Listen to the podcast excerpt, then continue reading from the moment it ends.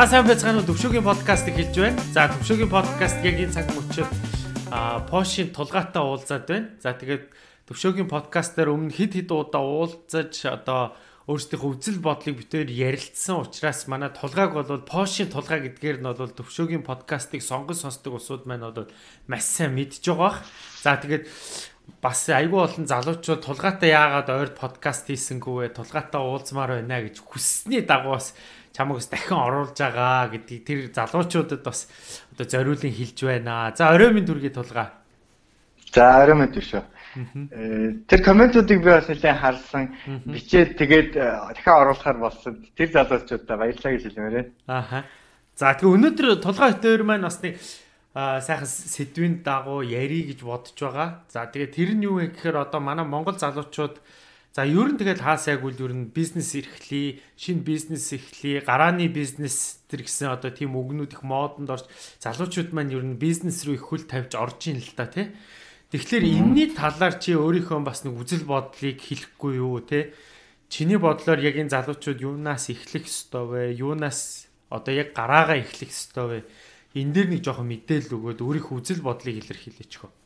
Э яг юу туршлага байхгүй учраас хамаагүй хэлж чадахгүй зүгээр пош байдаг гэсэн утгаараа пошын залуус те бизнесийн талаар юу гэж боддгоо ажил хийхийг юу гэж боддгоо те эдийн засгийн байдлыг юу гэж боддгоо гэдэг талаас нь жоох ялгаа үүсгэж яриул илүү бас хүмүүс өртөмжтэй байж магадгүй те. Мэдээж 20 жил бизнес хийсэн хүн нэг өөр юм ярих бах. Залуу хүний хувьд зүгээр би пошын залуусын хувьд бизнесийн талаар ямар ойлголттой байдгийм бэ гэдэг талаас нь хоёлаа одоо би аль чадхаараа л өөрийнхөө өнцгөөс л аль чадхаараа ярих гэж бодож байна. За. Аа. Э юун дээр болохоор э ерөнхийдөө бол Porsche гэдэг чинь Европын холбоонд орсон одоо хамгийн зүүн талын орн л да. Аа тэгэхээр чин зүүн Европ болж таарч байгаа. Аа эдийн засгийн хувьд бол ер нь бол бусад барууны орноос бол сул боддоор сул А гэхдээ Европын холбоо гэсэн утгаар бол Европын л ус болчихж байгаа юм л да. А яг хоёул их бизнесийн еврога орхосоо өмнө сая нэг шинэ мэдээ хэлчих үү? За тэгээ шинэ мэдээллээс эхэлж тий. Тий, шинэ мэдээллээс хэлчихье. Ерөөсөө ер нь бол хоёлаа нэлээд ярилцчихсэн зөв сонсож байгаа хүмүүстэй аль болох сонирхолтой талаас нь ярихыг аяг хичээдэг тийм ээ. Шинэ сони юм юу аа, дэлхийн хаана яаж ийгэж гин гэдэг талаас нь. Тэр талаасаа нэг шинэ юм хэлжээ. Тэр нь ерөөсөө яваа яваанда яах чаргагүй бизнестэй холбогдчихж байгаа. Одоо миний ярих гэж байгаа мэдээлэл бол бүр шууд утгаараа бизнес орох. Тийм учраас яг тэр тал зарчмаар явчих уу тий. Тэгээ тэгээ. А сая 3 сарын 20 өнөөдөр 3 сарын 24 бэ 4 хоногийн өмнө нэг шинэ лист тий Копа ингээд төвтэй байдаг нэг дэлхийн аж аргалын индекс тогтоодог газараас. Аа. Тэгээ тэрний өмнө нэлээд одоо нөгөө дэлхийд хамгийн аж аргалтай орн аль вэ гэдэг судалгаа явдаг шүү дээ. Тэгээ дэлхийн 165 156 орнуудыг аль нь илүү аж аргалтай байна, аль нь бага аж аргалтай байна гэдгийг нэрмлээд гаргачихж байгаа юм л да. Жил болгон 3 сарын 20 янз бүр л да 3 сарын 20 сая одоо ерөөсөл 4 хоногийн өмнө шинэ лист гарлаа. Аа өмнөх жилийн листнийх нь 1-р номерт Финланд байсан. Хамгийн ажиргалтай орн гэдгээрээ. Аа тэгэл тэгээ Финланд байсан шүү дээ хамгийн ажиргалтай орн. Тэгэл 10 нөгөө 3 сарын 19-нд чинь Финланд гэдэг орн хамгийн ажиргалтай орн байх сүүлчийн өдөр гэж бөө сэтгүүлчд ягаал ярилцаал. Аа.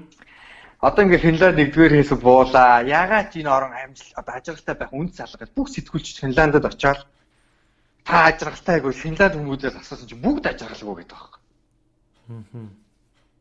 Би яагаад Финланд гэдэг орн дэлхийн ажиглалтай орнд байгааг мэдэхгүй гэдэг. Тэгвэл энийг юм хэлж байгаа. Явахтай яг манай Финланд амьдрах тийм хэцүү юм жалгалдаа л гэж байгаа байхгүй. Тэгж жагаад 19 тэр одоо Финланд хамгийн сүүлчийн өдөр шүү дээ ажиглалтай орны лист тэргүүлж байгаа. Тэгэл 20-нд нөгөө лист задраал тэгсэн чинь Финланд дахиад нэгт орчихлоо. Дахиад нэгд байгаа дөө. Нөгөө орнуудаас нэлээд урд Аа. Яах чарга бүр нэг гэдгийг бүр хатгалж чадлаа. Тэгээд хоёлаа энэний талаар нэг жоох яагаад тэр орнууд ажиглалтай байгаа гэдгийг би бүр ингээд бүр мэдмээр байгаа байхгүй. Бүх төрлийг уншаад яавал ажиглалтай орн болчих юм, яавал ажиглалтай орны иргэн болох юм, яавал ажиглалтай амьдрах юм гэ тээ. Тэгээд эхний дөрвөн байрных нь жагсаал яг хэвээрээ. Аа. 5 6 2-ын байр солигдчихж байгаа. Аа. тавт нь Швейцар байснаа одоо 6-ад нь юу ороод ирж байгаа. 6-ад нь Амстердам буюу нөгөө Нидерланд ороод байгаа. Аа. Бид нар чинь Голланд гэж ярьдаг шүү дээ. Голланд. Голланд ороод ирж байгаа. 5 6 дээр хүчтэй өрсөлдөөн болсон босхоос биш. Эхний дөрөв дээр яг хэвээр. Яг л байдгаараа л байгаа. Тий. Тий.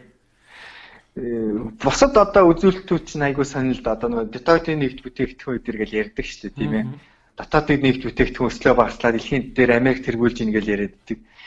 Надад энэ аж аргалын индексийг би бүр олон жилийн өмнөөс зүгээр ингээд судалдаг байхгүй. Зүгээр сониуч ихэж харж байгаа. Ямар орнууд ихний 10-т байгаа, ихний 20-д явгаа. Монгол хэдэд байна, Пош хэдэд байна гэдэг мэддэг ганцаар орнуудаа үзэхээр л яг ихний дөрвөл ерөөсөө нэг зоолттой басаа хөдлөхгүй байгаад идэв шүү дээ тий. Хөдлөхгүй, ерөөсөө хөдлөхгүй байгаад байгаа шүү дээ тий. Танаа амьдарч байгаа орон ч гэсэн нэлээд дээгүүр байгаад байгаа шүү дээ ерөөсөө. Шивэт чи ихний 10 дотроо байгаад гэсэн тий. Ерөөсөө 10 доороос гарахгүй. Скандинавын хэдэн орон бүр нэг ингээд дархалцсан юм шиг тий. Тэгээд яг яагаад нь бол хэлж мэдэхгүй. Тэгвэл нэг тодорхой хэмжээнд судалгаа хийгээд уншиж мэдчихэв яа. Судалгааны эрдэм шинжилгээний ажилтан биш л дээ. Гэхдээ аль болох нөгөө нэг одоо зүгээр хов живэд автахгүйгээр те ер нь юугаас ингэж ажиргалыг тогтоогоод байгаа юм. Тэр хүмүүс яагаад нэгт ороод байгаа юм бас судалгаа хийж байгаа хүмүүс нь ямар арга метод одоо метод ашиглаад ингэж тодорхойж байгаа чинь хоёр өөр арга шүү дээ. Яг эрдэм шинжилгээний хүмүүс бол ойлгоно. Тэрийг нь судлаад ингээд харахаар сонин одоо дүгнэхэд аяг үсэ. Тэд нар өөрсдөө дүгнэд хэлэхгүй байгаа. Ийм байна гэж гаргаад тавьчих. Аа. Дүгнээ тэрэн дээр нь арга хэмжээ авах асуудал бидний асуудал байхгүй юу одоо залуу хүмүүсийн хувьд. Аа. Тэгээд тэрийг ингээд жоохон судлаа. Аа ерөөсө 6 үзүүлэлтээр л тэр листийг гаргадаг юм. Тэр жагсаалтыг. За. Тэр 6-гаар л шийдчихдэг юм. Аа. Эхлээд тэр 6-аг нь хэлий тэгээ хоёлаа энэ дээр нь хоёр дээр юм уу гурав дээр нь тодорхой ингээд яриад тэгээд үнэхээр тэр листийн зүгээр ягаад би ингээд хэлэх гээд байна гэхээр эхлээд ягаад та хүмүүс зөвчүүд амар авах тий. Миний бодлоор бол хүн орсон тогтнож байгаагийн ерөөсөө гол зорилго нь ажиглалтай байх гэж бодож байна. Гол үндэс тий. Тий ерөөсөө зорилго нь гол зорилго нь. Ерөөсөө ажиглалынхаа хэмжээг л аль болох их төгс ажиглалтай гэж би хэлээгүй шүү дээ. Одоо 100-аас нэг ажиглалын оноо авдаг бол ядаж 30 оноо авчих юмсан л гэж. Аа. Үр хөвгтөй боллоо, мөнгө төгрөгтэй боллоо, одоо карьертэй боллоо, рейтингтэй боллоо, нэр хүндтэй боллоо. Яах гэдэг нь нөхөр өөрийнхөө ажиглалын хэмжээг л нэг ноогоор л нэмэгдүүлэхийг хүсэж байгаа шиг. Тэгээ ховдоо тэгж боддог учраас магадгүй дэлхийн ажиглалын индексийг бусад хүнээс илүү сонирхдаг гэж магадгүй л юм. Тэ? Ховдоо. Тэгэд би 6 амиг бүр алдахгүй тул бүр ингээд цаасан дээр бичсэн уншаад өгчээ заа. За тий. Тэгэх юм бол ерөөсөө нэгт нь нэг хүнд ноогдох дотоодын нэгт бүтээгдэхүүн. За тэр нөлөөлдөг юм байна. Тий GDP гэж байгаа. Яг нөгөө судалгаа хийсэн байгууллага нь энэ 6-ыг яаж байгаа л энэ 6-аар хамгийн их оноо авсанд нь ажиглалаар хамгийн сайн байна гэж өгч байгаа. Энэ бол бүр хөдөлшгүй үнэн болж байгаа шүү. Хоёул нөгөө компани талаар ярихад компани ашиглаж ирнэ. Тэгэхээр нэг хүнд ноогдох ашгаа дамгаална гэдэг чинь нөлөөлдөг учраас хоёул энэ талаар жахаа яриа тийм ээ. Аа юун дээр нэг хүнд ногдох дотоодын нэгт бүтээгдэхүүн. За. Хоёрт нь нийгмийн халамж. Аа. Гуравт нь нэг хүний амьдрах насжилт. Аа. Эрэгтэй эмэгтэй. Эрэгтэй эмэгтэй нийлүүлж хагаад. Аа.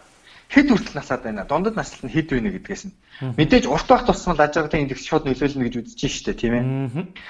За энд нэг амар юм орж байгаа. Энийг л хоёлоо өнөдөр учрыг гаргах гэж үзэндээ. За. Би бол мэдэхгүй байна. Хоёлаа ярьж байгаад нэг юмд хурж магадгүй. Ингэж байгаа. Ирхчлөө гэж байгаа. Гэхдээ ямар ирхчлөө вэ? Зүгээр ирхчлөөгөө хэрэгчээгүй. Амьдралынхаа сонголтыг хийх ирхчлөө гэж. Аа. За яа дэлгэрүүлж ярих учраас ингээс хашаа явчих тий. За дараа нь болохоор хүнлэг байдал гэж би орчуулад байгаа. Яг англи бол generosity гэсэн үг л дээ гэж орчуулж байгаа. Яг бичсэн байгаа. Яг би болохоор хүнлэг байдал. Тэгэхээр тэнд нөгөө өглөг мөглөг өөх те хандив өөх гэдэг ороод ирж байгаа. За 6 дахь нэг амир юм бэ. За. Авилгалын хэмжээ. Аа тий. За энэ 6-аг нийлүүлж байгаа л энэ 6 дээр үнэлгөө өгөөл хүнд одоо амьдрахад ажиглалтай байхыг л тогтоочж байна л да сонсоход айгүй энгийн байгаа шүү дээ тий. Тэгэхээр энэ 6 асуулт өөрөө тий хүн төрлөختнийг тухайн байгаа газраа хэр аз жаргалтай амьдрч байна вэ? Амьдрахгүй байна вэ гэдгийг л тодорхойлсон 6 асуулт болж хувирж штэ. Тий. Тий. Одоо Э, Тий, яг тий, ер нь бол тэгж ойлгож байгаа. Тий. Энийг бол үгүйс хүмүүс байж болно. Би ч үгүйсгэж болно. А ганцхан юм хэлэхэд зүгээр яг Копенхаген төвтэй энэ судалгааны байгууллагын харж байгаа өнцгөр энэ 6 өнцөг гिचж байгаа тий. Нөгөө яг энэ 6 нэг хоёлоо хэлчихээр нөгөө улс төр зөв буруу нь худлаа авчиж байгаа. За яг энийг энийг би шал өөр юм яриа явчлаа. Тэр нөгөө Европ байж байгаа хүмүүс нэг politically correct байх хэрэгтэй гэдэг юм хэцүү юм байгаа юм л да. Улс төрийн хувьд зөв гэх юм одоо үгүй. Үргэлж зөв ярих хэрэгтэй гэж. Одоо ерөөсө монголоороо зөв буруутгаал ярьж. Ерөөсө энэ 6 тийм чиний хэлж байгаа яг зөв. Тийм. Энэ 6 ерөөсө хүнийг ажиглалтай байх үгийг тодорхойлж байна. хүнийг биш бүр хүн төрлөختнийг болоо явчлаа ш наач тий. Одоо Тий, дэлхийн энэ гаригийн талаар ярьж байгаа учраас тий. Хүн гэдэг тийм хүн гэдэг утгаараа тийм хүн гэдэг чинь хүндрэлт нь л болчихсон л да. Тий. Хүний ажиглал энэ 6 амнаас шалтгаалдаг юм байна. Зарим усуд бол мэддэггүй байдаг тий. Таны аз жаргал юун дээр тогтдог вэ? Та аз жаргалтай амьдарч гин үү тэрхэр ингээд нөгөө чи өөрсдөө аз жаргалын хэмжүүрийг тус тусдаа тогтооцсон байгаа штэ. Тэгтэл хүн төрлөختний аз жаргалын хэмжээг юусэн энэ 6 асуултанд базаал энэ 6 Тэг, тэг. асуултанд 50-аас дээш ч юм уу эсвэл бол ерөнхийдөө ингээд дээш явах юм бол та бас өөрийгөө одоо их айгүй айтайхан газар амьдраад байгаа юм байна гэж өөрийгөө тооцоолж болох нь тий. Локейшн. Тий одоогийн одоо хэмжүүрээр тий тэгж болж байгаа байхгүй. Тийм. Хоёул дахиад нэг уншчихв тий. За тэгээ хүмүүс бүр дахин нэг бодоход сая ярьсан дээр одоо дахиад нэг анализ хийхэд хүрэж штэ тий. Тий. Нэг хүнд ногд дотоодын нийт бүтээгдэхүүн Аа. аа нийгмийн халамж Аа. амьдралын наслалт наслалт ерөөсөө наслалт. Тэгээд амьдралынхаа сонголтыг хийх эрхчлөө. Тэгээд хүнлэг байдал.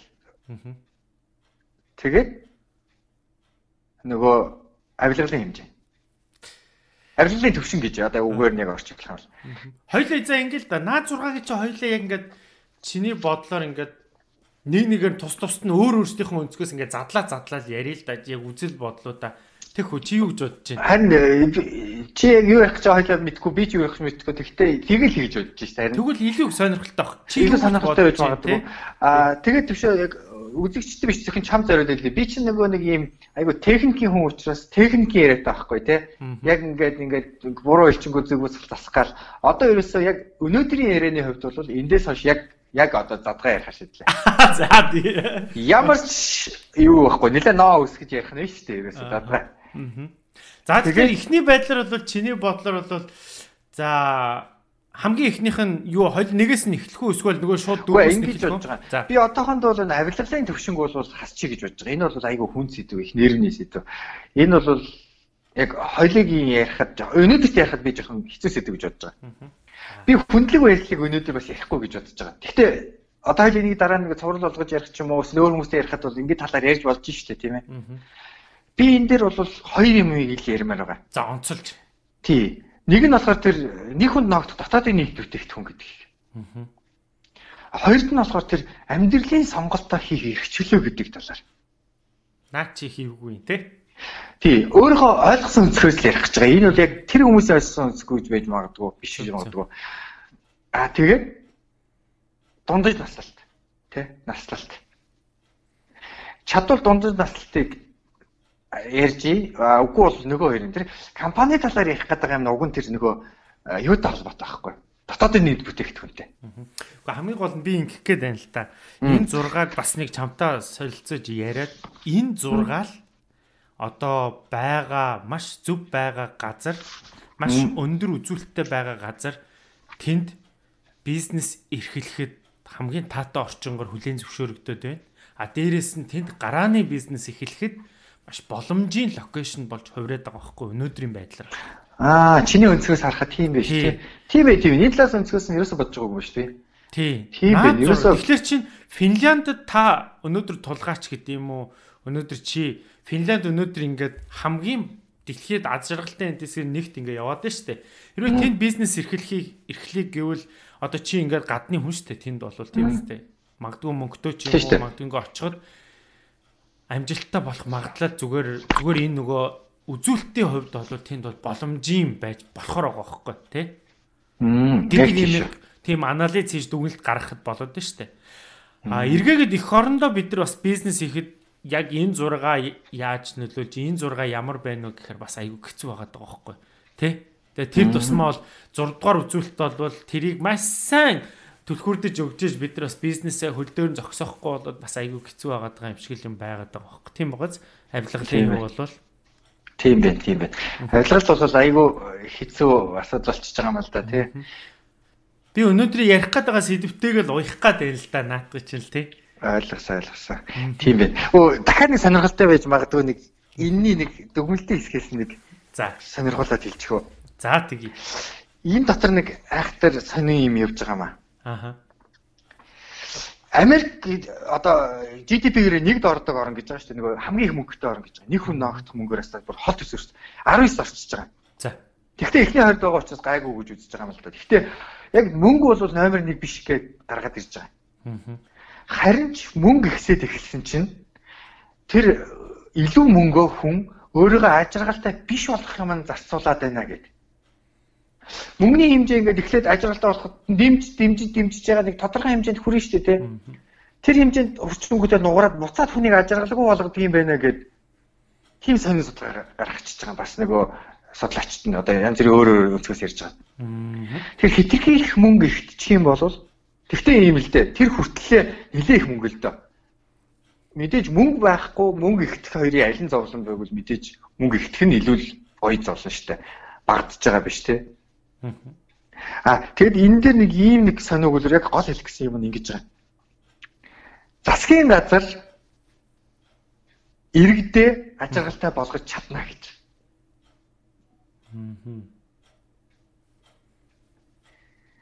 Өөрөөр хэлбэл энэ зургааг зургуулангийн ер нь эцсийн нэг удирдах төвчний нөхцөд ярьж байгаа байхгүй. Өөрөөр хэлбэл энэ дээр нь хоёлыг нэг хязгаараас халтах юм бол энэ зургааг хоёлаа ингэж хөгжүүлэх гээдсэн чинь энэ зураг нь өөрөө ажиглалтыг тогтоодог зураг юм нь зургуулаад засгийн газрын мэдлэл байгаа байхгүй. Яг гоо засгийн газар гэдэг утга нь ер нь бодлого зохицуулагчийн мэдлэл байгаа байхгүй. Бодлого тодорхойлогчийн мэдлэл. Тий тодорхойлогчийн мэдлэг. Манай орн GDP-г нэмэх юм уу? Эсвэл манай орны иргэд ер нь хэд наслаг байх юм гэдгийг дээрээс нь шийдчихэд байгаа.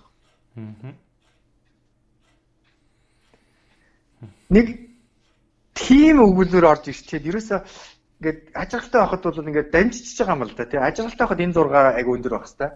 Тэгээ энэ зургийг сайн байлгахын тулд гэсэн чинь засгийн газрын бодлого зөвхөн болчих. Аа бодлоготой шууд холбогдоод ирж байгаа шүү дээ тий. Тэгэнгүүт чиний ясантай бас холбогдчихлаа л да. Би ингэж холбогдно гэж ястаа бодсон шүү. Ястаа бодсон. Яасан гэсэн чинь энэ орнуудын нөгөө засгийн газрын бодлого нь айгүй зөв бодлоготой орнуудаар одоо засаглалын хэмжээ нь айгүй зөв засаглалтай байна. Финландтай хинч маргалдахгүй, Даантай хинч маргалдахгүй. Засгийн газрын бодлого нь өөрөөсөө амар хатуу маш зөв бодлоготой гэдгийг бүр дэлхийн нийт хүлээн зөвшөөрчөөд Тэгээд нэг жишг болгоно гэж яваад байгаа шүү дээ тий. Тэгсэн чинь яг тэр засгийн бод газрын бодлого нь зөв болцсон орнуудад бизнес эрхлэхэд айгүй зөв байд. Чиний хэлсэнтэй холбогдчихлаа тий. Яг улс төр ярих гэгүй шүү дээ. Засгийн газрын хоёулын дээр жоохон бодлого талаас нь жоохон ярих юм бол энэ зургаар руу ингээд уйлдаад гараад ирэх байх л та. Залуу хүмүүсийн нэг хэцүү юм байна шүү дээ тий. Яг тим юм хийсэн, ийм хийсэн гэсэн амар их хүсэлтэй. Хүслийнх нь хэмжээг ингээд метрлээд үзэх юм бол бараг 100 м. Тэгээ хүсэл мөдрөөдлөг. Тэгээд мод шиг 1000 салаалцсан 100 м хүсэлтэй. Туршлага мэдлэг гэсэн чинь нэг метр хөрөхгүй. Тэгээ ганцхан салаа мэдлэгтэй. Аа. Айгу хэцүү хамгийн хэцүү хүмүүс надад тэр залуу хүмүүсийн санагдсан. Туршлага 1 метрээс авахгүй. Хүсэл нь 100 м. Хэд салаалсан 1000 салаалцсан Яса тэгэхээр чи хамгийн хэцүү амьдралтай хүмүүс юм залуу хүмүүс болж байгаа шүү дээ. Харин чи тал дээр гэж бодож байна. Залуу хүний хувьд хамгийн хэцүү амьдралтай хүмүүс ерөөсөө бүх дэлхийн ямар ч орноос шалтгааллахгүй ерөөсөө залуу хүмүүс л ах гэж бодож байна. Зөв зөв тий. Би бас энэ дээр бас өөрийг үзэл бодлоо бас хэлэхэд болол одоо яг ингээд бизнес эрхлэе бодож байгаа ч гэдэм үү? Аль эсвэл яг ингээд гарааны бизнесээ эхлэх гэж байгаа улсууд. За мэдээж бол хамгийн түрүүнд ямар бизнес эрхлэх үү, юунаас эхлэх үү, би импортлогч байх уу, экспорт орчин байх уу? гэдэг мэдэг энэ бүх юмаа ингээд айгүй сайн боддохоосоо илүүтэйгээр яг энэ нэг аз жаргалын эндից энийг бас нэг харах хэрэгтэй юм шиг надад санагдаад идэг хөхгүй яг чиний нөгөө хэлсэн энэ зургааг те тэгээд би одоо нөгөө дэлхий чи нөгөө өмнө бол бөөрнгээс одоо дэлхий хавтгаа болчлоо. Онлайн ертөнцид тэр тусмаа та бизнес эрхлэх тэр бүрэн болцоотой болчлоо. Тэгэхээр хэрвээ та онлайн ертөнцид дэлхийд та бизнесээ хийх гэж байгаа бол энийг маш сайн хараараа, энийг маш сайн судлаараа. Тэгхийн бол таны бизнес ингээд цаашаага явхад бол энэ бол энэ хүчин зүйл бол маш их нөлөөлөх юм байна гэж би хувьдаа тэгж харсан байхгүй. За тэр тусмаа одоо тулгаачин бол өөрөө IT-ийн хүн те. Тэр IT-ийн чиглэлээр бүр ингээд бизнес эрхэлж байгаа яг энүүгээр ингэж байгаа одоо чинь усуудыг бодохоор чинь одоо хамгийн амар байгаад байгаа одоо яг энэ чиглэл дээр бизнес эрхлээд байгаа орнуудын хүмүүс ингээ эргээ бодохоор нөгөө л ихний 10-т яв улсуудыг орж ирж байгаа юм шүү дээ. Тийм л да яг тийм. Яг энэ дээр яг яг бизнес гэдэг нарийн ярих юм бол би яг бизнесийн талаар жоохон мэдлэг муутай байж магадгүй. Яг IT талаасаа тий. IT-ийн ертөнцийн бизнесийг жоохон гадарлаж магадгүй. Хаана мөнгө нь болоод байна. Яг нэг сониуч хүн болохоор чинь хин яг мөнгө олоод байна, хин яг мөнгө олохгүй байна гэдэг нь яг ингээд одоо Silicon Valley ч юм Америкийн ертөнцийг ингээ харна шүү дээ тий. Тэгээд Европод амьдарч байгаа хүний хувьд харахаар нэг өөр бахал та Америкийн ертөнцөөс нэг өөр үж магадгүй. Миний бодлоор болвол стартап гэдэг зүйл бол зүгээр л одоо хиймэл зүйл гэж бодож байна. За. Хотлоо зүйл. Аа. Стартап зүгээр компани хоёрын ялгаа нь юу юм? Ямар ч ялгаагүй гэж боддог би бол. Яг айгу нөгөө готрон гүцэлтэй л дээ. За. Зүгээр л шинэ компаниг стартап гэж нэрлэж байгаа юм аа. Яг стартап гэдэг нэг юм нэг юу үүсгээл яг шинэ нэг бизнес үүсгэх гэсэн л хөдөлгөөнийг л стартап гэдэг ашгаа. Тэрнээс биш стартап зориулсан татврын хөнгөлт байхгүй. Айлч оронд. Стартап зориулсан ямар нэгэн одоо зөвлөгөө өгдөг ямар нэг юм байхгүй. Бүх юм яг хэвээрээ байснаа стартап стартап гэж яриад байгаа. Би яг өндө учрын нэр нь бол ойлгохгүй. Тэрийг бол би нэг юу гэж юусаа харахгүй байгаа. Одоо юу гэдэг юм дэ нэг амар боломж өссөн. Хоосон байжсэн чинь стартап гээ үг гараад ирсэн чинь гид бизнесийн боломжууд үүссэн гэж би юусаа харахгүй. Аа бизнес яг явдгаараа л явж байгаа. Юусаа тэр дүрм бизнесийн дүрм өөр.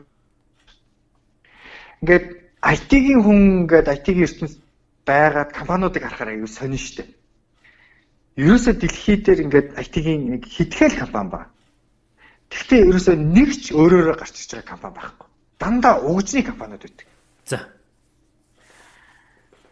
Америк гэдэг орон жишээ нь одоо нэлийн олон жил цуглуулсан хөрөнгөөрөө Сан Франциско Silicon Valley гэж үсгээд яг тэнд байгаа компаниуд ерөөсө бүгдээрээ одоо өрсөлдөөний хувьд хитрхи давуу байдалтай хөрөнгөтэйгээс эхэлсэн. Аа ямар ч жижиг компани болон дунд зэргийн компани тэднэрт өрсөлдөхийн аргагүй байдлыг үүсгэсэн шиг надад санагддаг.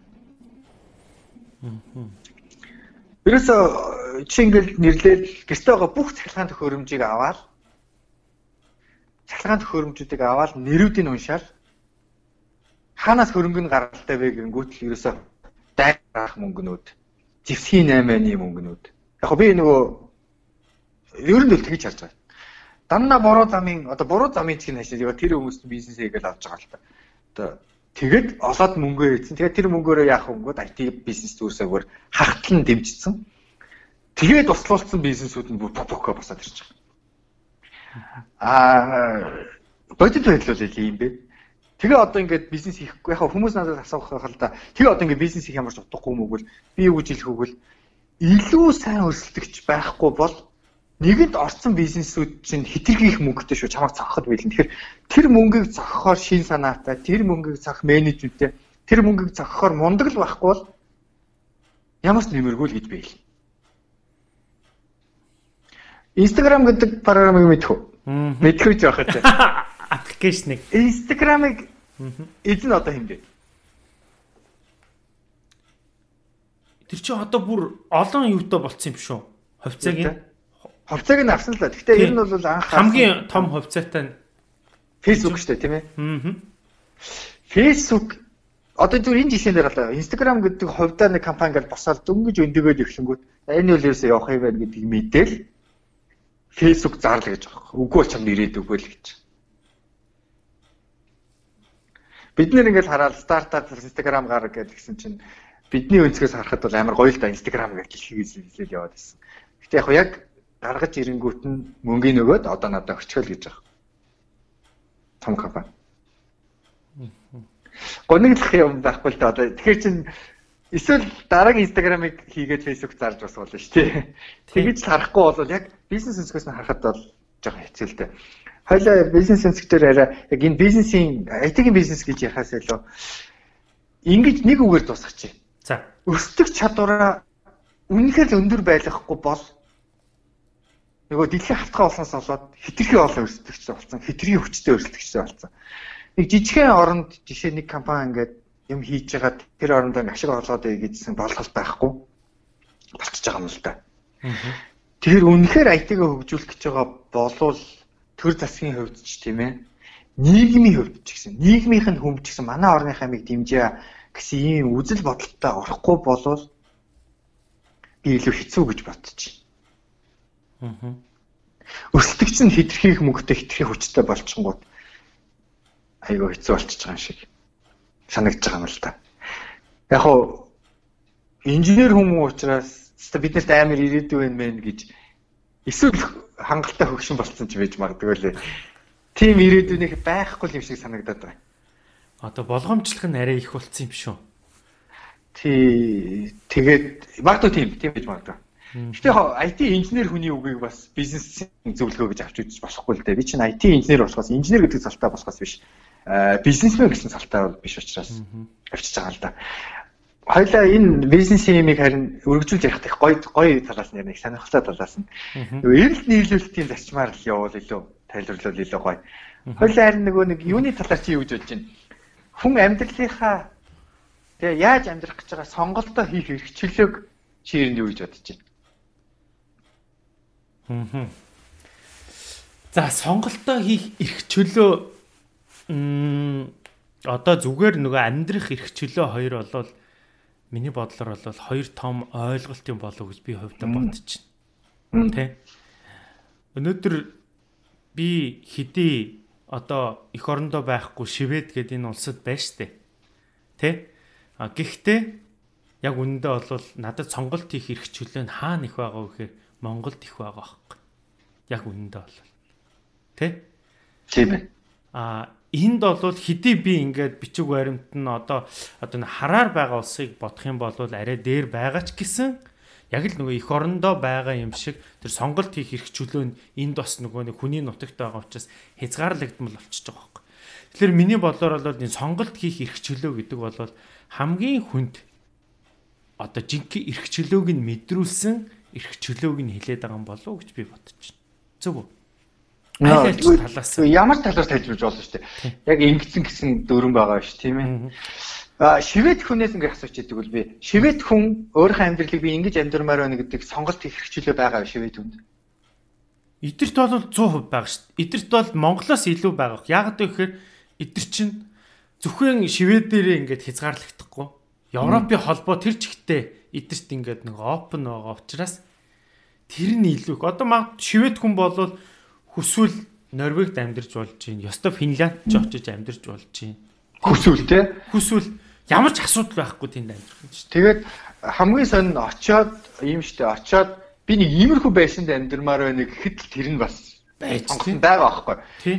Ямар нэгэн байдлаар эсвэл өөрөө мөнгөтэй эсвэл яадаг ажлаас нь мөнгө байшаа өгчдөг тий. Тий. А тэгэхэд биднэрт бол тийм сонголт байхгүй шүү дээ. Байхгүй. Яг одоо боддоор байхгүй байхгүй. Тэгэхээр одоо хоёлоо бол шивэд хүнээс л ажиргалаар одоо огрол байгаа юм байна те энэ үзүүлэлтээр. Тийм монголчууд бол мэдээж энэ талаараа маш доогор байгаа байхгүй. Тийм бэ. Яг энэ энэ сэдвээр бол хоёлаа амьдралаа ингэж харагдмаар байна гэдэг сонголт хийх хэрэгчлээ нь Монголд бол чи илүү байна гэж хэлэх гэж Монголдо амьдрахад миний хувьд амьдраад тий. Тэгээд би нэг ингэж нэг амьдрчмаар байна гэх сонголт хийх хэрэгчлээ тий. Аа. Харахад амир энгийн юм шиг болооч баг ажиргалын нэлээд том төлхөрийн нэг болчихж байгаа санагдаад байгаа байхгүй.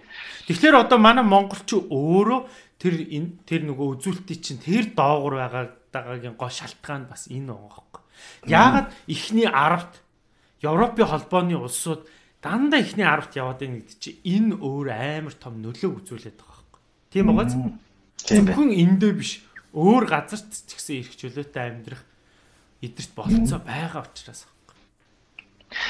Эрхчлөө гэдээ ярихаар эрхчлөө гэдэг нь бас амар л да. Тэгээ хоёул олон талаас ярьж болох юм. Хоёул энийг тойруулаад өнөөдөр нэг 5 минут яриул яаж ий. За. Одоо чиний бодлыг сонсолт. Чи энэ дээр юу гэж бодож байна? Сонголт хийх эрхчлөө. Ер нь бол тэгж байгаа. Одоо бүр Шведийн яд баянаас ядуу бүх хүн өөрийнхөө амьдралыг нэг ингэж харагдмаар байна гэдгийг сонгох боломжтой байна. Тэ? Яг л би Швед дээр хэлээр юм. Яг бол Шведийн лист чинь 6 байна уу? 7-д орсон байхгүй. Тий. Шведийн нилээ ядуу хүн гэхэд л те яг амьдралаа би яг энэ оронд амьдрмаар байна. Иймэрхүү харагдмаар байна сонголт хийх бүрэн боломжтой байгаа байхгүй.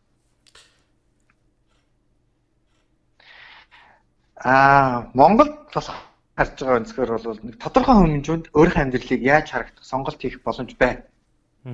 Нилээн том албан тушаалд очсон хүн бол за би нэг тэдэн төргөний хахуул авнаа. Тэхгүй бол хийхгүй гэж ч байхгүй. Сонголтоо хийж ирчихлээ шүү дээ чи ер нь. Тэнгүү тэрийг нь өгчин тэнгүү тэргээрээ нэг тодорхой хэмжээний байшин барьдаг ч юм машин аваад ингээд яг өөрийнхөө амьдралыг ямархуу харагдах сонголтоо хэрэгчлэн байна уу? Бага үстэй. Тийм. Гэхдээ буруу. Тэр хүн ажиглалтай байна. Ажиглалтай биш үү? Тэр чи одоо дуртай амиа хийгээд э, дуртай газраараа яваад эрхчлэлтэй байгаа шүү дээ. А гэхдээ яг хуу мэдээ тэр хүмүүсийн тоо цөөхөн. Тэгэнгүүт төөхөн болчоод бусдууд нь эрхчлээгүй одоо тийх эрхчлээгүй болоод ингээд зөрчгөнө шүү дээ тий. А чинийхаар бол хэрвээ мөнгө нь байх юм бол Монголд ч гэсэн тэр аз жаргалтай амьдралыг тэр аз жаргалтай хүнийг тий аз жаргалтай нийгмийг бүтээж болох юм аа. Гэхдээ тодорхой мөнгөтэй л хэдэн улсуудыг зориулж гэсэн ойлголтыг хэлэх гээд байна тийм үү? А үгүй үгүй үгүй би ерөөсөө тэгж хэлэхгүй. Зүгээр яг э, Монголд бүр эрхчлөө бүр байхгүй болсон чинь биш аж аргал устсан биш байхгүй. Биш биш тийм. А нийтээрээ аж аргалыг гэдэг имийг сонгож болох нь байна. Ер нь бол аж аргалын одоо дундаж хэмжээг өсгөх гэж. А Монгол бол бүр аж аргал нь ингээд дууссан асуудал биш. Зүгээр ийм байхгүй. Нийт хүмүүсийн аж аргал ийм жоохон. Аа Тэрийг нэмээд нэг иймэрхүү л та. Цөөхөн хүмүүсийн ажиргал амар их. Тэгээд тэднийг нийгээд явах юм бол Монгол бол нэг тийм муудцаар биш байхгүй. Нийтээр нь харах юм бол ажиргалтай л орно. Ягаад гэвэл жоохон олон хүмүүсийн жоохон ажиргал дээр цөөхөн хүний том ажиргалыг нэмэхэр чинь тэгэл дундагчлаад яг ингээл болчихж байгаа байхгүй. Ажиргалын хэмжээ яг тогтмол байгаа байхгүй. Тийм л дээ. Тэр одоо энийг сонсож байгаа хүн ч гэсэн яаж л өөрсдийнхөө өнцгөөс яаж л яаж тайлбарж болохоор юм бэ? Би ч өөрөө тайлбарж болно чи би ч өөрөө тайлбар. Гэтэ яг энэ нь зөв гэсэн ба сонголт байхгүй. А гэхдээ энэ өгүүлбэр өөрийн өгүүлбэрийнх нь өөрийн утга болвол өөрөө амар байгаа байхгүй тий? Сонголт хийх эрх чөлөө хэр их байна вэ? Тухайн тэр оронд гэж байгаа байхгүй. Тий, тэгэхээр чинь яг үүндээ миний харсан өнцгөөс а одоо шивэдүүдтэй харьцуулсан сонголт хийх эрх чөлөө бол монголчуудын хувьд бол айгүй бага. Тийм үстэй. Тийм үстэй. Хамаагүй бага болсон. Хүссэн газараа хүссэн цалингаа аваач ч гэдэм үү хүссэн мөнгөөр амьдрах сонголт хийх эрх нь бол эдэрт бол бүр маш их байгаа учраас тэр улсууд ад жаргалтай л биш. А Монголд бол энийг бол яг мөнгөтэй хүн хийж болно. Гэхдээ Монгол хүн гэдэг утгаараа байхгүй л гэж хэлж тийм байхгүй гэж хэлэх гээд байгаа. Монгол хүн бүхэнд энэ болцоо байхгүй гэж хэлдэг. Одоо ингэчихэж байгаа шүү дээ дахиад наад жишээг чинь тайлбарлаад дахиад давтаа хэлэхэд шивэд хүн жишээ нь өөрийнх нь цалин голлоо тийм би дахиад нэг 200 еврогоор илүү цалин сард авмаар байна гэж бодох юм бол ажлаа сольж тийм дараагийн ажил байна уу? Байна. За тэгсэн чинь мэрэгжил үнэхээр ингээд одоо жуултлаа гэж бодъё тийм ээ. Өөрийн чинь мэрэгжил өвшөө тав шүү мундаг юм сураад Тэнгүүт нөгөө хүн чинь их сургуультай 3 жил 2 жил мэрэгжил ярьжүүлээд чадвартай болоод дахиад ороод ирж болж байгаа юм шүү дээ. Аа. Их сургууль нь үнэгүй. Дээрээс нь их сургууль нь сайн. Аа. Миний нэг таалагдахгүй байгаа юм юу гэхээр одоо тэр хүний хувьд биш дээ. Та үнэхээр өөрөө хичээв ш. Одоо шивэд хүний хувьд аваад ирэхэд та өөрөө үнэхээр хичээх юм бол танд ажиргалтай амьдрах боломж байна гэж хэлж байгаа бол тэр хүний хувьд үнэн байхгүй. Тэр хүн үнэхээр торгоогоо ажиллуулаад тэр сургуульд нь сураад юм ин мэдий гэсэн хүсэл байгаад өөрт нь нөр хөдөлмөрөө гаргаад хүчлээд ингээд явах юм бол тэр хүн яг өөрийнхөө хүсээр амьдрах боломжтой байхгүй. Хин биз дээ. А тэгтэл Монголд байгаа хүмүүсийн хувьд Монгол гадаад амьдарч байгаа монгол хүний хувьд яг хүснээрээ ингээд ийм ийм ийм ийм гэхэд л ямар нэгэн боломж одоо биднээс шалтгааллахгүй хүчин зүйл бидрийг ингээд дарсан байгаа юм. Ердийн одоо Монгол хүүхдийн хувьд нэг ингээд за би нэг дэлхийн нэг ийм сайхан алдартай их сургууль гэсэн гэсэн чинь аль хэдийн бүр багаас англи сураагүй. Нөгөө сургуульч англи хэлээ л. Швед хүн гэх чинь 8 настай гэхэд баг бүгд англиар ярьж штэ. Шведээр ярьж англиар ярьж. Тийм ээ. А тэгтээ тэр англиар ярихыг нь ер нь хүндэд хэрэгтэй гэдгийг нь өмнөөс болоод 8 настай хүүхд юу гэж мэдээд англиас орчих гэж тэр боломжийг нь өмнөөс олгоод ингээд зохион байгуулсан байгаа шүү дээ. Тэгэхээр юу гэж хэлэх гээд байна гэхээр яг биднэрт ингээд шивэд хүн танд хичээл боломж байна гэж хэлэх нэг өөр Монгол хүнд та хичээгээд одоо та л өөрөөсөө мяа уучраас одоо ингээд өөр хөөснөр амьдарч чадахгүй нэг би худлаа гэж хэлэх гээд. Яаж хүснээрээ хичээгээд тэнгэр хол газар болчихлоо шүү дээ. Одоо гадаад хүний хувьд чи их сургуульд ороод мэрэгжлээ дэвшлүүлээг бол шивэтэнээс илүү төлбөр төлөх үү? Тэгэн шүү дээ. Шивэт чи өөрөөсөө энд дээр их орондоо төлбөргүй юм чинь. Тий, төлбөргүй. А чи гадаад хүн учраас төлбөртэй шүү дээ. Төлбөртэй. Өөрөөр хэлбэл чи ингээд мэрэгжлээ дэвшлүүлээ гэхэд л тий. За та төлбөрөө нашраал гэж байгаа шүү дээ. Тий. Porsche гэсэн ижлэгийн зарчмаар явж байгаа тэтгэлэг авсан бол яг пош юм шиг авч хэлсэн. А тэтгэлэг аваагүй бол та мөнгөө төлөөд тий та мөнгөтэй бол мундаг болоо гэж. Тэгэхээр сонгох эрхчлөө гэдэг зүйл зүгээр нэг зүгээр нэг эрхчлөө гэж явчихж байгаа зүйл биш шиг. Энийг л хэрвээ шийдэж чадах юм бол. Энийг шийдэж чадах юм бол их зүгээр юм болоо гэж бодчих. Тэгээд эндээс боломжлоод нэг юм руу оролцоо гэрэг. За тийм энэ чи ярмаар ярмаар заа тэр би хамгийн гол чамаас нэг ийм асуух гэдэг байгаа. За тийм. За. А одоо ингээд энэчнээс ингээ улбаалаад хоёлоо уцаад нөгөө эх орн руу очие л доо. Би саяхан нэг юм үзсэн. Тэр нь юу вэ гэхээр эх орны хөгжил гэд тэ. За хөгжлийн талаар бол шивэд хүмүүс ч тэр бүгд л ярьдаг. Бүгд л одоо эх орныхоо хөгжлийн талаар санаа зовж бүгд л хоорондоо ярилцдаг тэ. А чи өөрөө Монгол хүн байна. Чи хувьдаа одоо бас Польшид нэлээд удаан амьдралаа. Польшийн хөгжлийг харсан бас Европын нэлээд хэд хэдэн орнуудаас өөрөө ажил хийж үзлээ бас аялчиж үзсэн тий. Чи чиний хувьд хөгжил гэдэг чи хувьдаа юу гэж хардггүй? А дээрэс нь дахиад хоёр дахь асуулт нь эх орн чинь хөгжиж байна уу гэдэг юм ийм л асуумаар. Хоёр дахь асуултанд нь шууд хөгжиж гин гэж хариулъя. За. Бүр амар хөгжиж байна. За а одоо бүр одоо бол бүр хөгжих үгүй гэдгийг алтан одоо яг бүр хамгийн потенциалын оргил гэж бодож байна. Яг хуу эндээс илүү боломж уг нь ишүү амархан боломж байсансан бол үгээд мэдээ сайхан штэ. А эндээ л хөгжчихдөг байсан бол гүэмээ сайхнаа тийм ээ. Тэгвэл юм болгоо хамааргүй. А тэгвэл одооний одоо хөгжих потенциалын хувьд бол Монгол улс хамгийн алтай үед. Эндээс хойш хөгжихэд бол илүү хэцүү болно. Миний бодлоор. Аа. Одоо нэг энэ нэг хэсэг 4 жилийн дараа л ихэд Монгол улс ирээдүйд дахиж хөгжих үү одоо хизээч хөгжихгүй орны жагсаалтанд орох уу гэдэг. Ерөөсө 4 жилийн дотор шийдэгдэнэ.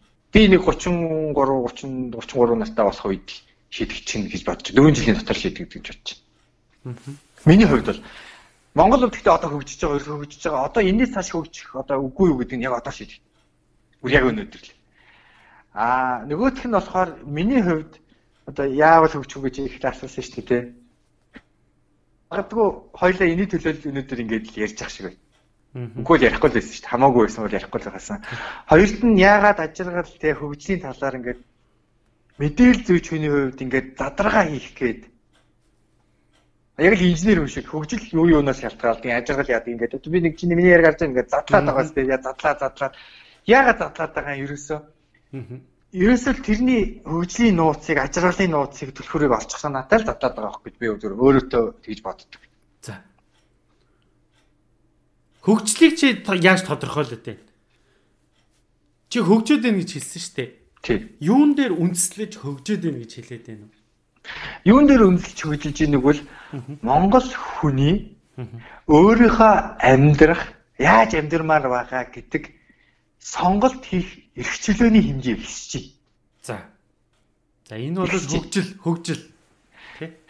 Зүгээр л өнөөдөр Монгол хүн өнөөдөр хинээр өөрийгөө өдөрдуулах вэ гэдэг сонгох эрхчлөлтэйгээ байна гэдэг чинь л эрхчлөлтэй л байна. Яг өнөөдөр гараад их сургууль маань өнгөө болчихсоо гэж чадахгүй өнөөдөр үнтэй байна. Гэтэ хин нэгэн гарч ирээд их сургуулийн чи өнгөө болёо, шивэд чин болгоё гэж хэлэх юм бол тэр хүнийг сонгох эрхчлэл чанд байна уу? Байж тээ, тийм үстэй. Байж тээ. Тэгэхээр өөрөөр хэлбэл өөрийнхөө их сургуулийг өнгөө болгох эрхчлэл бол байна. Энийг энэ эрхчлэлтэй холбоотой нэг сонин зүйл хэлчихв. За. Тэгээ тэрний дараа нөгөө ерөөгөө орой. Дахиад эхлээд ерөө орчих. Нөгөө нэг нөгөө орсгол руу оруулах гэж байсан. Бай бай мерси чи бүр явчлаа. Нөгөө одоо наадвал чи нэг боловсрал боловсрал чухал гэж ирсэн. Скандинавын орнууд ч бүр тасалдахгүй ярьж байгаа шүү дээ. Яагаад гэдгийг хэлэхгүй юм. Боловсрал боловсрал хэрэгтэй гэдэг юм. Яагаад гэдгийг хэлэхгүй яаж боловсралыг дэмжиж одоо дэмжигчтэй байгаа ч хэлэхгүй. Зүгээр л боловсрал боловсрал мундаг гэдэг юм. Тэгээд энийг одоо бодохгүй яагаад энэ Европын орнуудын боловсрал боловсрал өгчгээ залуучуудаа боловсралтай болгочих гээд яагаад их сургуулийн үнэгүй болохын төлөө бүх одоо нам засаг төрн хүчигээд идэх юм бэ? Наад үргэлж онцох шиг байсан юм. Яагаад Европын орн гэхээр л тэрийг тэгээд бусад орнууд гэхээр л а Сингапур бас үнэгүй шүү дээ. Сингапурч бас ажиглалын индексээр өндөр дээ. Яагаад энэ боловсрал боловсрал гэдэг юм?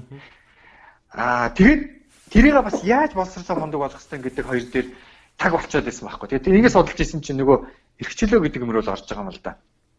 Дахиад. Дахиад өөрийгөө яаж амьдруулах гэдэг юм болж штэ тий. Яаж амьдрах гэдэг ажиглалтай амьдрахад нөлөөлж байгаа зүйл нь штэ тий. Тэр сонголтоо хийж байгаа штэ тий. Хэрвээ эрхчлөөг нь өгөх юм бол өөрөө сонголтоо зөв хийх хэрэгтэй байхгүй би ингэж ингэж амьдрмаар байдаг сонголтоо хэрэг буруу хийдэг бол та нэрхчлээ өгсөн гэсэн чи бид нэр бүгд хаачин болмоор байна гэчүүл тийм хэрэгчлээгээр одоо хэцүү болчихж байгаа шүү дээ. Нэг л их хэрэгчлээ яриад байдаг би яаж амьдрмаар байна гэсэн чинь би ерөөсөө өдөр болго хар таймгаа тэрглээл амьдрмаар байна гэдэг сонголт бүгд хийчихвэл яах вэ?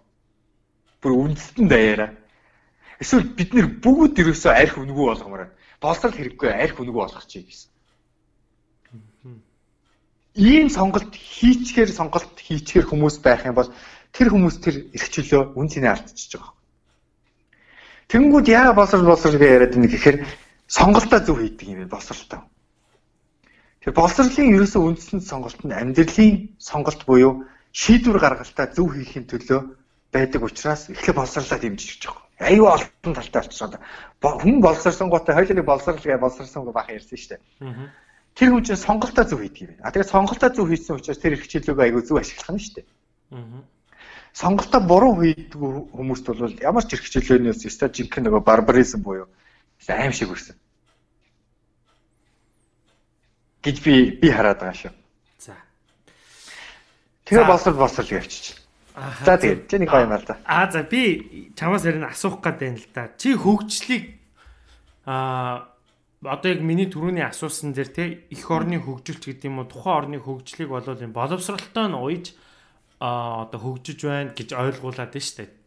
Агуу хөгжөхөд хамгийн чухал элемент нь боловсрол гэж байна. Тэрнээс боловсралтай олчоор хөгжилтэй гэсэн үгээрээс биш. А мэдээж хамгийн чухал нь тий. Тэр чинь маш зөв тий. За би болохоор саяхан нэг юм үзээд за тэгээ үдсэн цагаас нэг бичлэг үзээд тэгээ үдсэн цагаас хойш ерөөс толгоос гарахгүй байгаа хамгийн аюултай. Тэгэл ингээл өдөр шөнөгүй ингээл бодоол исэн чи яг үндэ бол манай эх орны хөгжил өөрөө яг үндэ аа зогсчод байгаа юм шиг л надад санагдсан. Тэр бичлэгийн үр дүнгээс аа тэр нь юу вэ гэхээр эх орны хөгж одоо тухайн эх орн хөгжиж гин үү хөгжихгүй байна уу гэдгийг болвол одоо тий өнгөрсөн цагаасаа биш тий өрсөлдөгч нартойгоо харьцуулж чиний их орон хөгжиж байна уу хөгжихгүй байна уу гэдгийг тодорхойлтыг гаргаж өгөх ёстой юм бэл. Өнгөрсөнтэйгөө биш юм бэл. Өнгөрсөнтэйгөө харьцуулж биш өрсөлдөгч нартойгоо харьцуулж их орон чи хөгжиж байна уу хөгжихгүй байна уу гэдгийг гаргаж ирнэ гэсэн. Тийм утга санааг илэрхийлсэн бичлэг үзсэн байхгүй. За ингээд үзэнгүүчид бид Монголд байгаа монголчууд ер нь дийлэх улсууд нь бол тэр нөгөө манай Монгол хөгжиж чинь гэж хэлээд байгаа улсууд чинь дандаа өнгөрсөнтэйгөө харьцуулж бодсны үндсэн дээрээс бид хөгжиж байна гэдэг өгүүлбэрийг амнаасаа гаргаад байгаа. Яг тэгэхээр тэд нар дандаа өнгөрсөнтэйгээ харьцуулж хэлдэг. Бид өмнө нь гадаад руу чөлөөтэй явдаг байсан уу? Бид гар утас барьдаг байсан уу? Бид ийм одоо өндөр байшинтай байсан уу? Тэгэд өнөөдөр бүгд байштай. Яг энэ өнгөрсөнтэйгээ харьцуулж яриад. А тэгвэл бид өрсөлдөгч нартайгаа харьцуулаад бодох юм бол яг өнөөдөр Монголд байгаа нийгэм, Монголд байгаа энэ хүмүүс маань хөгжсөн байна уу гэж бодохоор үнэндээ уучлаараа гэсэн үзүүлэлт гарч ирж байгаа байхгүй. Тийм багаз. За тэгтэл одоо яг за одоо бүр хамгийн Тий. Тэгэхээр хамгийн наазах нь одоо өрсөлдөгч гэж бодъё л да. Казахстан гэдэг улсыг харъя. Яг л 90 онд адилхан л ингэсэн өнөөдөр Казахстан Монгол улстай харьцуулаад ингээ бодоод үзэхэд ямар байна. За Орос мөн л ялгаагүй бүр 90 онд бас л одоо ингээл бутраал те ингээл юу яасан 90 онд манай Монголд бас ингээл арчсан хувьсгал болоод ингэсэн. Тэгэхэд Орос өнөөдөр бүр амар төрүүлээ явчлаа тий. Тэгэхэд яаж юм за хятадтай харьцуулаад үзье. Хятад 80 онд ямар байсан? А 80 онд Монгол яг үндэ эдийн засгийн дотоодын нийт бүтээгдэхүүн төрөүний нөгөө 6-гийн те энтэй ингээм харьцуулахад 80 онд Монгол хятадаас илүү байсан юм билээ шүү дээ. Тэгэхэд өнөөдөр хятад ёо уучлаарай бидний ямар аим. Тэгэхэд манайх яг л хэвэндээ л байгаад байгаа Тэгэхээр энэ өөрөө нөө хөгжил биш юм байна. Бид нар хөгжөөгүй юм байна. Би зүгээр байран дээр зогсоод байгаа юм байна. Би зүгээр хий эргээд байгаа юм байна гэд. Тэгэж тийм дүнэлтэн төрөгсөн байхгүй. Хэцүү л асуудал байна л да. Тийм ээ. Тэгэхээр энийг аюул сайн бас бодох л хэрэгтэй. За Porsche-то бас харьцуулаад юу яаж л л дээ. Тэр хүн бас харьцуулж ярьсан л л л дээ. Тэгээ Porsche өнөөдөр бас яг 90 онд чи одоо өөрөө Porsche-д амьдарч ирсэн бас Porsche-ийн түүхийг судалж ирсэн. Тэ 90 онд Porsche ямар байсан? Хүнд одоо ногдох бүтээгдэхүүний хэмжээ, технологийн хэмжээ тий А Монгол яг тухайн үед ямар байсан ингээ харахад өнөөдөр Porsche Монголыг ямар амар хол хайцсан бэ нөө тий бүр ингээ орхио яваад өгсөн байгаа байхгүй. Тэгтэл манайх яг байран дээр л байна. А тэгээ энэ бүгд ингээ юунаас ингээ харагдаад байна нөхөр ерөөсөө төрөний чиний хэлдэг.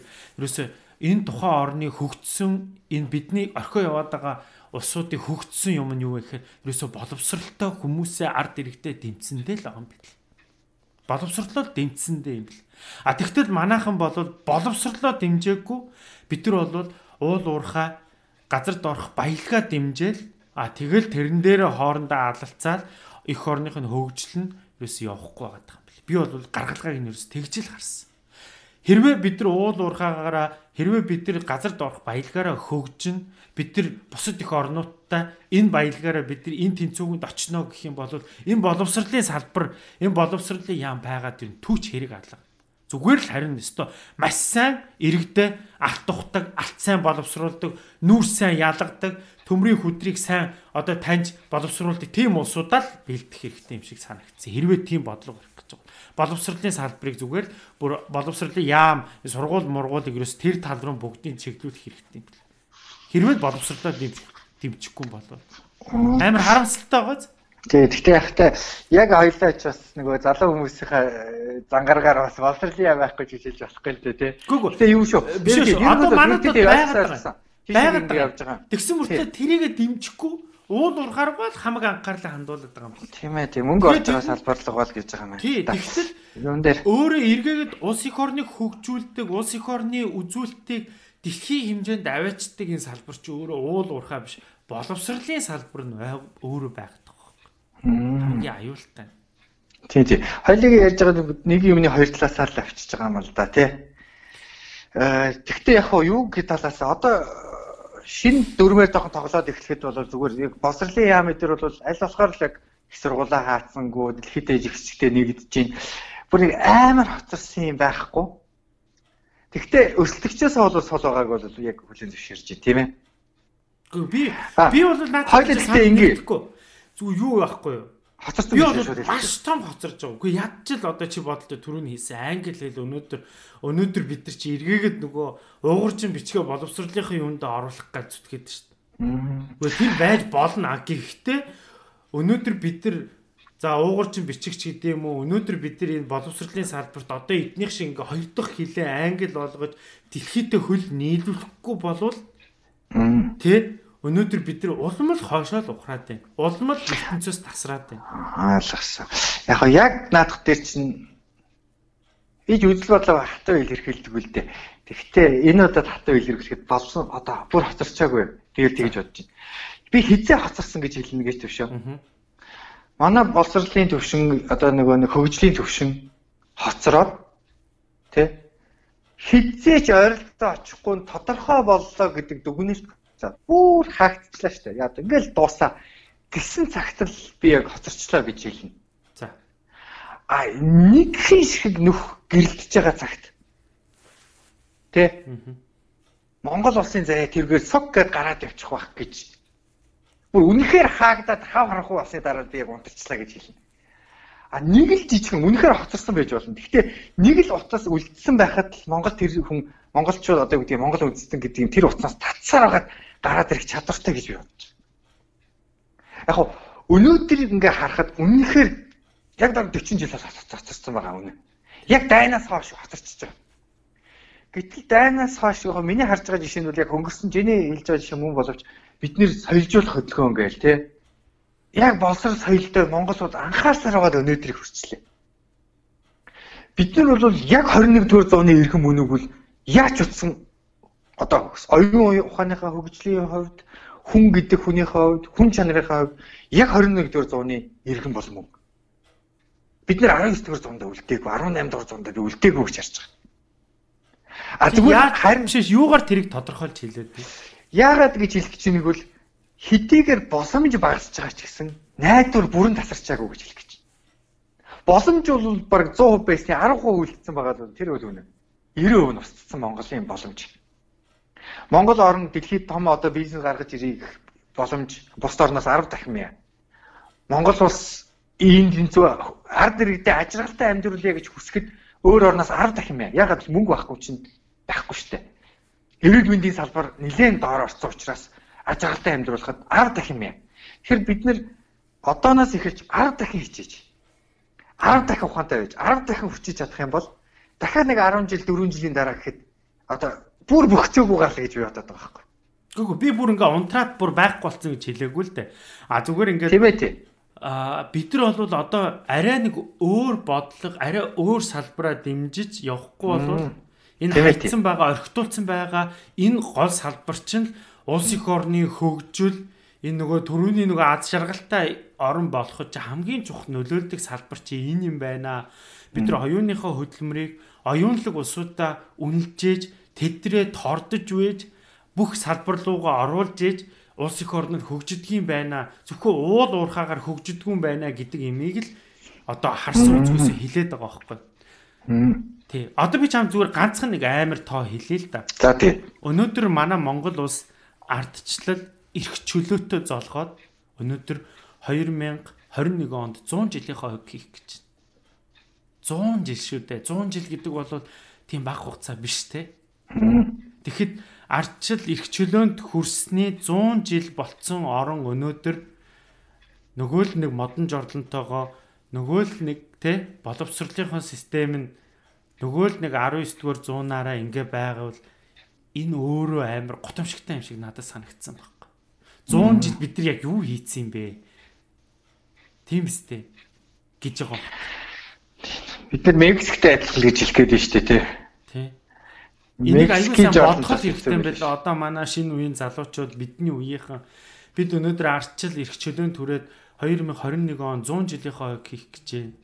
Тэгтэл бид нар өнөөдөр 100 жил гэж баярлахаасаа илүүтэйгээр өнөөдөр бид нар тий юу хийж бүтээч вэ 100 жилд бид нар 100 жил арчсан эрх чөлөөнд хүрчээд өнөөдөр дэлхийн өндөр хөгжилтэй орнууд за бүр амар дэлхийн гэж томроо явах Азийн өндөр хөгжилтэй орнуудынхаа бид нар хаана нь явж гинэ гэдэг дээр үнэлэлт дүгнэлт хийж а бид нар цаашаага одоо дахиад 101 102 дахь жилүүд дээр ямар бодлого барьж юугаа дэмжиж ер нь цаашаага яаж явах вэ гэдгээ ярилцах ёстой юм шиг надад санагдсан байна. Чи энэ тал дээр юу гэж бодож байна? Энэ тал дээр аяга товчоо хэлээ. За. Би бол одоохондоо одоо модон жорлонтойгоо байгаа дэд үс хөгжөөгүүд дээр одоохондоо дахиад нэг 10 жил бол тайван байж болно гэж боддог. За. 20 жил тайван байж болно. Хамгийн хөгжилтэй одоо Америк ТV-ийн Америкийн нэгдсэн улс гэдэг нь шүү дээ тий. Ингээд Америкийн нэгдсэн улс ингээд доороос ингээ хилийн залгаа доор нь Мексик байгаа шүү дээ тий. Тэрээс хамгийн Америктэй ойрхон бүр хилийн нэг ингээ нэг 100-га зар км эрттэй ингээ газар ингээ Мексик авчин штэ.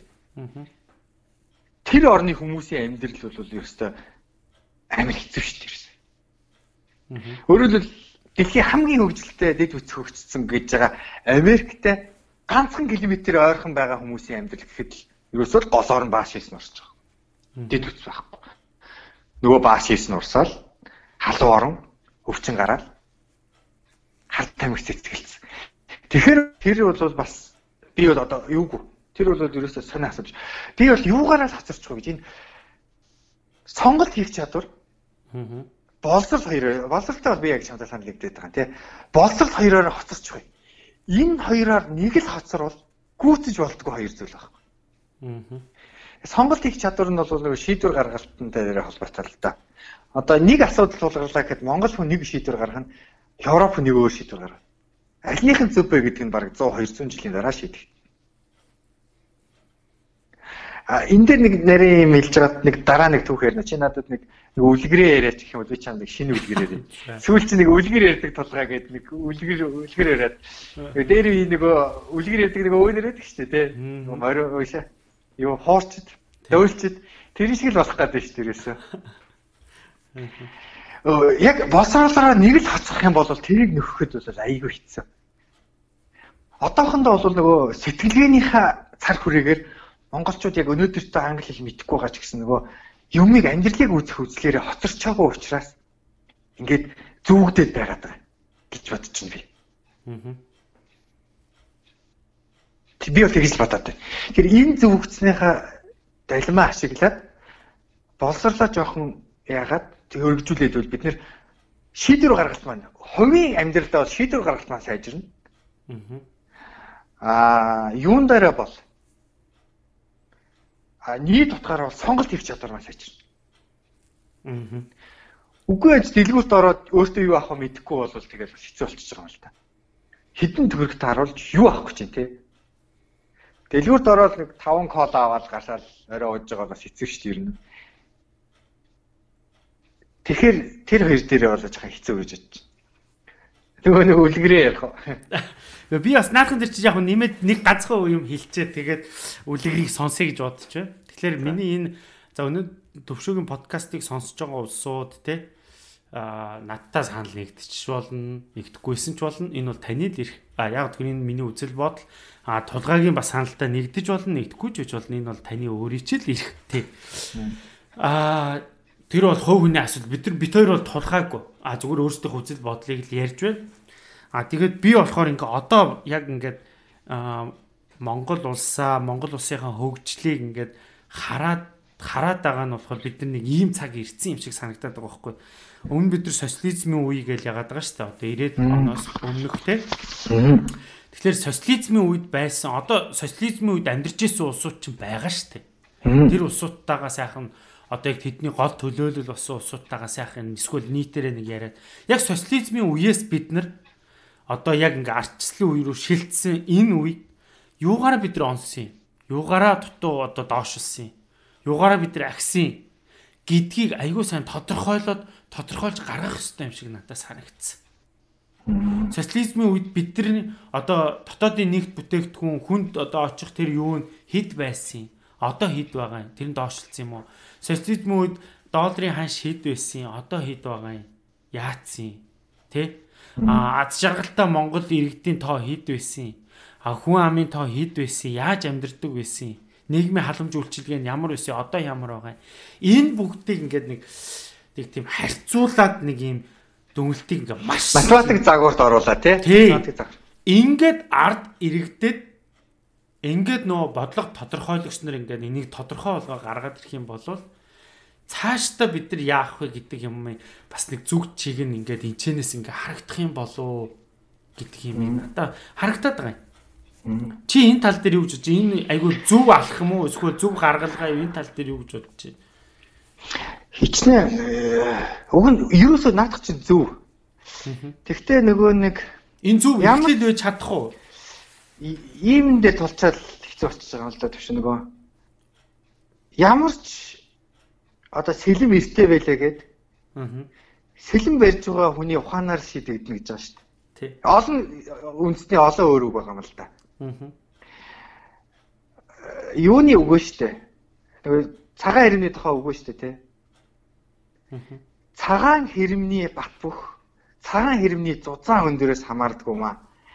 Цагаан хэрмийг хамгаалж байгаа жанжины ухаанаас шалтгаалдаг юм гэсэн үг. Тий. Тийм учраас монголчууд цагаан хэрмнээс хэтэж айж байгаа байхгүй. Хичнээн өндөр байг. Хичнээн зузаан байг. Тэр жанжины хятад жанжины толгооноос монгол хүний дурын цэргийн ухаан өндөр учраас тэр цагаан хэрмнээс бид нар хитэж авахгүй гэсэн утгатай үг байхгүй. Ерөөсө хүний оюун ухаанаар л бүх юм шийдэгдэнэ.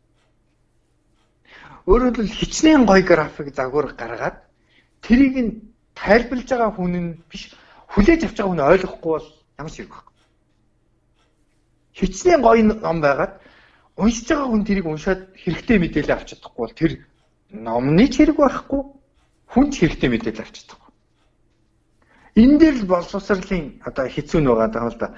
Боловсрол бол тийм амархан зүйл биш л дээ. Аваад одоо нэг флаш дискээр боловсрол гэж тархиндаа шууд уншуулаад ингэдэг бол үгүй амар л байна.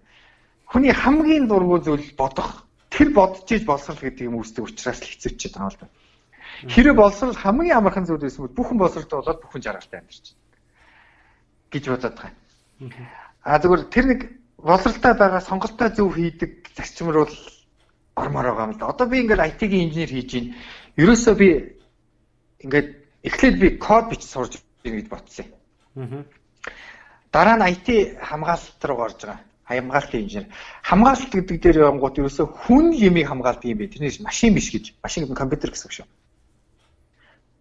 Хүн л илүү чухал юм байна. Ерөөсөө ямар ч мундаг төхөөрөмж үж болно. Тэрийг ажиллуулж байгаа хүн л чухал байт юм байна гэдгийг ойлгож байгаа байхгүй. Эхлээд код л чухал. Ямар мундаг юм Америкчууд зохиоц ингээл үнэлээд исэн чинь тэр хүнээсээ зөвлөгөө одоо инженер тэгж ярьдаг юм да.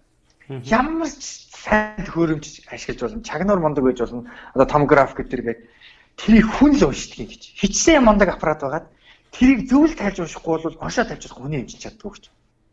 Тэгээд энэ эмчнэр чи юу аягүй рейтинг өндөртөө өндөр цалин дэлхийд аваад байгаа. Ямар ч мундаг төхөөрөмж байна. Мундаг эмч бол зүгээр чагнуур байхад л хүнийг онцолчих гээд байгаа байхгүй? Эмчрийг чагнуураар төсөөлдөг штэ. Тэгээ зураг болгон чагнуур. Ерөөсө чагнууртай эмч бол нэлээд хэдийн хүнийг бол доороо 5 нас орт наслуулчихад байгаа. Тэгээд эмчнэрээ хүндлээд ерөөсө доктор гэдэг ерөөсө бүх газар эмчнэрийг хүнэлж штэ. Тэр чи нөх хүнээ гэдэг маань тэр хүний боловсрлыг л яриад байгаа юм дээ тий. Тэгээ хүний хөгжлийг л яриад байгаа л да. А тэгээ чи нэг хөгжлийг чи юугаар надаас юу асуусан дээ. Тэгэхэд би хөгжлийг хүний хөгжлөөр л тайлбарлана. Тэр бас хөгжсөн байх. Тэр хөгжсөн байх гэдгээс л шалтгаална. Тэрнээс ш өндөр барилга юм уу гоё машин ч юм уу тэр гоё замч биш. Тэгвэл тэр хоёр мэдээж коррелацтай. Мэдээж тэгээ тэр хоёрын сайн байвал сайн хоорондоо холбоотой гэсэн. Аа тийм ээ. Би бол хөгжил гэдэг бол хүний хөгжилтэй салбартай. Энэ бол хэцүү ш. Одоо ингээд хүн хамгийн чухал байдгийг ойлголоо. Одоо ингээд IT инженерийн хувьд ерөөсөө шийдвэр гаргалт руу л явж байна одоо. Аа. Шийдвэр гаргалт зөв байна уу, буруу байна уу гэдэг дээрээс л тэ англиар decision making гэдэг байгаа. Шийдвэр зөв гаргадаг хүн бол хаач гэсэн үнэлэгдэж байгаа. Аа. Бүх төвшөндөө. Бага төвшөндөө, дунд төвшөндөө одоо шийдвэр гаргалтаас болж та компани хувь заяа шийдэгдэж дээ ерөөсөө. Мэдээж бүх төвшөндөө шүү бүр. Ерөөсөө ажилд ирж байгаа л хүн дарахч байсан, сэрэгч байсан яг өнөөдрийнхөө шийдвэр гаргалтаа зөв хийчих юм бол тэр нь компани эрх ашигт аягүй зөвнөр нөлөөлөд амьдралдаа бас шийдвэр га зөв гаргаад явчих юм бол. За. За чи нэг үлгэрээ яриа. Тэгээ хоёлоо өнөөдөр дуусгая та тий. За тэгээд бас цагстай нилээ явцсан байна. Тэгсэн үү. Уулын төлөв нь 20 минут яриад дуусгах байсан. Завгүй хүмүүс бол өдий хүртэл үзэж, үлгэр хүртэл үзэж чадаагүй байх. Удаасан дуучлаараа. Өнөд аяг өнд минут хүртэл үлдсэн хүмүүс хүлээс нь баярлалаа. Тэр өстө гоё үлгэр ярьж байгаа. За. Э Спарта гэж мэдээ штэ тий. Одоо Атин, Афин. 300 гэдэг киногоор бид нар мэддэг штэ тий. Никлас Песүүд ярьж байгаа. Тэ пэсүүд ярьж байгаа. Нөгөө төлөөс нь болохоор тэрийг өөрөөр хамгаалж байгаа. 300 зэрэгт яг цаана тэрэг байсан л 10 хэдэн мянган зэрэг 30 мянган зэрэгээс. Тэгэд энэ дайн болохоор их баатарлаг дайн гэж бүх түүхэд бичээлтэй 300 хамгаалсан. хаан өөрийнхөө амийг золиослж байгаа. 300 хамгаалагч. Тэр байлахгүйгээр нэгдэх гээд байгаа байхгүй юу? Перстэй. Перстэй Афин нэгдчих юм бол цаашаа Европыг эзэлчих гээд байгаа. Аа. Тэгээд ер нь бол Афинчууд юуны төлөө байлцсан гэдгийг Канадаас гаргадгүй юм те. Канад дээр ерөөсөө нэг яг ингээд яг бол 24 секунд л тэрийг гаргаж байгаа. Яг тэр юуны төлөө тэр Генайдис гэдэг хаан тий тэр нэг одоо бид нар 300 гэдэг канаар мэднэ. Ерөөсөө 300 зэрэгээ би хамгаалагч аваад тий гейт гэдэг газар очиод хамгаа нөгөө нэг очиод Перси бүх зэрэгтэй байлтчихж байгаа. Тэр хаан юуны төлөө байлцсан гэдгийг нэг канон дээрээс 24 хүн минут гараад байлтаа нэг кино юм шиг болгочих. Би тэгээд тэр 24 хүн минут ирсэн юм надад амар сэтгэл буусан байхгүй. Одоо хэдэн оны кинонд 10 жилийн өмнөх кино юм да. Аа. Би ингээ киног үзэхдээ бүр ингээ дахин дахин давтаж үзээд секунд болгоныг ингэж мэдэрч үзэх дуртай. Миний хувьд бол тэр байлаа маш гоё. Гэхдээ тэр 24 секундын тэр ярьсан юм бүр миний амьдралын амар сонин юм сонирхол төдлүүлээ. Яагаад энэ зэрэг 300 хүн зэрэгээ аваад өөрийнхөө амийг золиосон байлж байлтчих вэ гэж. Тэр хааны одоо яг одоо амьдралыг үзэх үзэл юу байсан бэ гэж. Чи үжиж мэдэх мэдэх бах та яг кино сонирхож. Мэдэн мэдэн. Гэхдээ чиний юу түүхийг дуустал сонсмоор байл та. Тий. Ерөөсөө ингэчихэж байгаа. Персүүд гэдэг бол ерөөсөө хаан бүхнийг өдөрдөн. Аа. Хаадын хаад Персийн хаан байхгүй. Хаадын хаад болох гэдэг чинь. Бүх дэлхийн үйл явдал миний дүрмээр болно гэдгийн төлөө байгаа. Линайтис гэдэг хаан бол ерөөсөө л одоо сонгуулийн системийг л дэмжиж байлцсан. Хүн одоо яг л энэ штэ ерөөсөө хүн өөрийнхөө амьдралыг ямар харагдахыг сонгох эрхчлэл хүнд байх хэрэгтэй гэдгийг төлөө Афин тим орон байсан байхгүй. Бөөнөр нийлээд хилцдэг. Форум хийдэг. Тэгээд тэрнээсээ сонголтоо гаргаж ирдэг. Сенат буюу бидний төлөөлөгчөө дээшээгээ явуулдаг. Тэр төлөөлсөн хүн нь бусад өөрийгөө сонгосон хүний эрх ашигын төлөө ажилдаг. Тэр цалин авдаг. Өөрөөр хэлбэл төгс арчлал да. Арчлал гэдэг чинь ерөөсө ард иргэдийн төлөө зүтгэнэ гэсэн утгаараа арчлал болчихж байгаа юм л да. Аа. Тий. Эрхчлээд нийгэм гэдэг чинь уг нь бол тэр шүү дээ. Freedom гэдэг арчлал гэдэг одоо одоо орчуулгад аягүй арчлалын орчуулга аягүй хэцүү буугаад байгаа нь зориуд бодлуулаад байгаа юм шиг. Аа. Ерөөсө ард иргэд өөрөө өөртөө би ингэж амьдрмаар байна гэдгээ сонголтоо хийх эрхчлөө гэж. Тэгэд бүгдээрээ ингээд нэг удирдлаганд орохдоо нийтийн эрхчлэлийн төлөө өөрийгөө ингээд сонголтод нөгөө сенат буюу өөрийгөө төлөөлөх хүний төлөөллийн хүн яваад тэр нь очоод нөгөө юу үсгэж чинь штэ. Энэ классикийн байл одоо анхны байлаа тэр афин ялагдаагүй байхгүй. Хэрвээ афин тэгэхэд ялагдсан бол өнөөдрийн хүртэл дэлхийн аль ч орон сонгуул хизээч өгөхгүй. Сонгуул гэдэг юмыг мэдэхгүй байх байсан сонгуул гэдэг имийг огт мэдэхгүй байх шээ. Хэрвээ та сонголт хийх хэрэгчлээтэй байгаад сонголт хийх боловсралтай байгаад өөрийгөө яаж амьдрмаар байгаагаа сонгож чадах юм бол та жаргалтай амьдрах сонголт дээр нэг юм сонголт бичдэг шүү дээ тийм эрх чинь байгаа. Тэгээ та сонголтоо зөв хийж чадах юм бол та өнөөдөр яаж амьдрах нь ажиргалтай амьдрах уугүй гэдэг нь хүн болгоны харт байгаа. Тийм учраас би нөгөө Монгол хацарчаагүй л гэдэг. Сонгуул эрх хичээлэн байна. Аа. Африк бол би Африкийг харж байхдаа энэ эрх хичээлгээ нэгэнд алдсан. Ойрын 100 жил Африк сонгуулийн эрх хичээлгээ хэрэгэж чадахгүй. Айгу контроверси хэлж л да. Африкт ингээд сонгуулийн ерөөсөл буутай хэдэн хүмүүс сонгоол тэгэл хоорондоо алцаад сонгуулийнхаа цаасыг бодлуулаад явчихж байгаа юм л да. Тэгээд сэтгүүлчд нь ороод ирэхээр сэтгүүлийнх нь бүх хүнийг алчдаг. Ерөөсөө л одоо сонголтоо хэрэгчлээ байгаа юм шиг харагдаад сонгуул яваад байгаа бүх юм бодлоо. Яг сонгуулаа ингээл явагдаад янз бүрийн ингээл сэтгүүл мэтгүүл гарангуул нөгөө сэтгүүлч нь өгч. Тэнд хэр том зэвсэгтэй хэр юутай хүчтэй л гараад ирдэг. Тэрнээс ард иргэд бас сонгодгүй шүү дээ. Сонгодгүй байгаа. Зүгээр Монгол одоо энэ зарчим руу орох уу, шивэдийн зарчим руу орох уу гэдэг сонголт одоо дараагийн 8 жил А тэгээд Африк руу ороод сэтгүүлч нь бүгд худалдагчвал тэгэл одоо яг л дараагийн Африк бол. Тийм ээ. Би бол юуны хувьд гэж харж байгаа.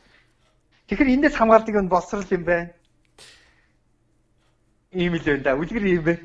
Одоо ихчлөө сонгох ихчлөө арай л алдаагүй байна да.